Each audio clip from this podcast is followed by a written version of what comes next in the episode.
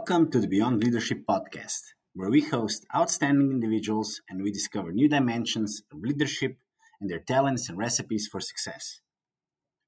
Continuing with this week's topic of executive coaching, our tip of the week covers the contemporary challenges of leaders in the role of coaches. Today's tip of the week is based on the article The Leader as a Coach, written by Ibarra and Scoular, published in 2019 in Harvard Business Review. Contemporary leaders in the role of coaches. Today, rapid, constant, and disruptive changes are the norm, and what succeeded in the past is no longer a guide what will succeed in the future. 21st century managers simply don't and can't have all the right answers. To cope with this new reality, companies are moving away from traditional command and control practices and towards something different a model in which managers give support and guidance rather than instructions, and employees learn how to adapt to constantly changing environments in ways that unleash fresh energy, innovation, and commitment. The role of the manager, in short, is becoming that of a coach. This is a dramatic and a fundamental shift. To get managers really thinking about the nature of coaching and specifically how to do it better in the context of a learning organization, researchers provide the 2 times 2 matrix as a simple but useful tool.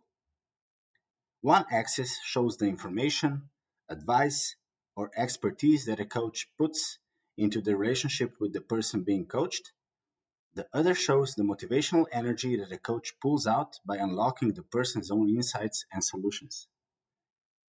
Therefore, the 2 times 2 matrix emphasizes the different styles of coaching. These different styles of coaching are directive, situational, laissez faire, and non directive. Our ability to transform a company into a genuine learning organization depends on making coaching an organizational capacity that fits integrally within the company's culture. To do so, researchers suggest a cultural transformation that involves the following steps. Step number one articulate the why. Managers and professionals are busy people. If you want them to embrace coaching as not just a personal skill, but also as a source of cultural strength, you'll have to make clear why it's valuable for the business and their own success. Number two, model the behavior. If you want the people you work with to embrace coaching, you first need to embrace it yourself. Modeling is a powerful tool because it shows that a leader walks the talk and it builds momentum. Number three, build capability throughout the organization. If you want to get the information all the way through the organization, your biggest challenge is to reboot your people as managers. And final, number four, remove the barriers.